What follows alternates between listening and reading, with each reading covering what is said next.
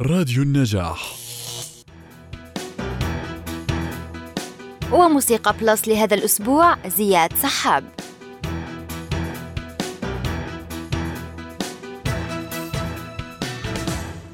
زياد سحاب مغني ملحن وعازف عود لبناني من مواليد أوائل الثمانينيات ببيروت في عائلة تتنفس الموسيقى.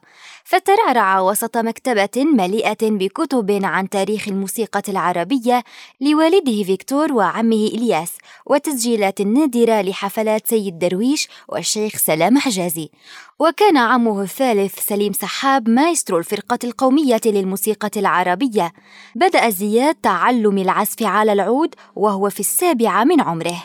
وفي سنة 1993 أصبح عضوا في الفرقة القومية للموسيقى العربية ببيروت ثم في عام 1994 احتل المركز الأول في مسابقة نجوم المستقبل.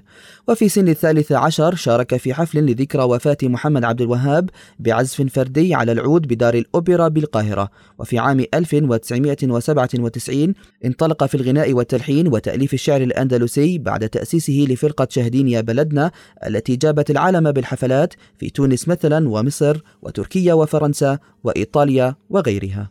وزياد سحاب مؤلف بارع يلعب بالكلمات ومعانيها ليكتب نصوصا ثاقبة تصور المجتمع والحب والحياة اليومية. ينقش شعره بروح متمردة جعلت منه شخصية رئيسية في المشهد الطربي الموسيقي اللبناني المعاصر.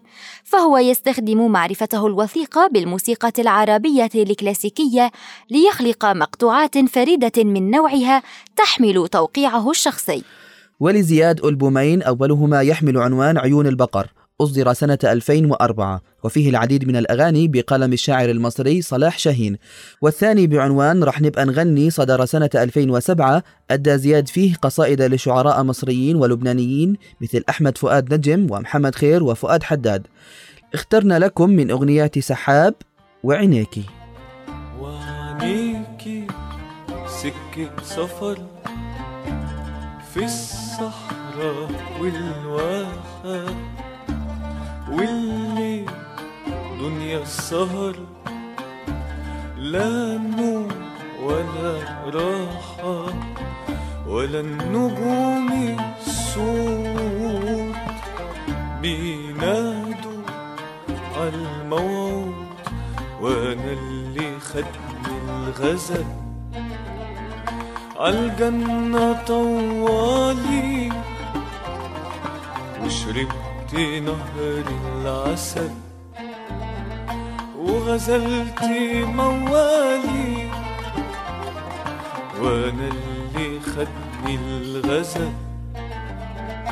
عالجنة طوالي وشربت نهر العسل. وغزلت موالي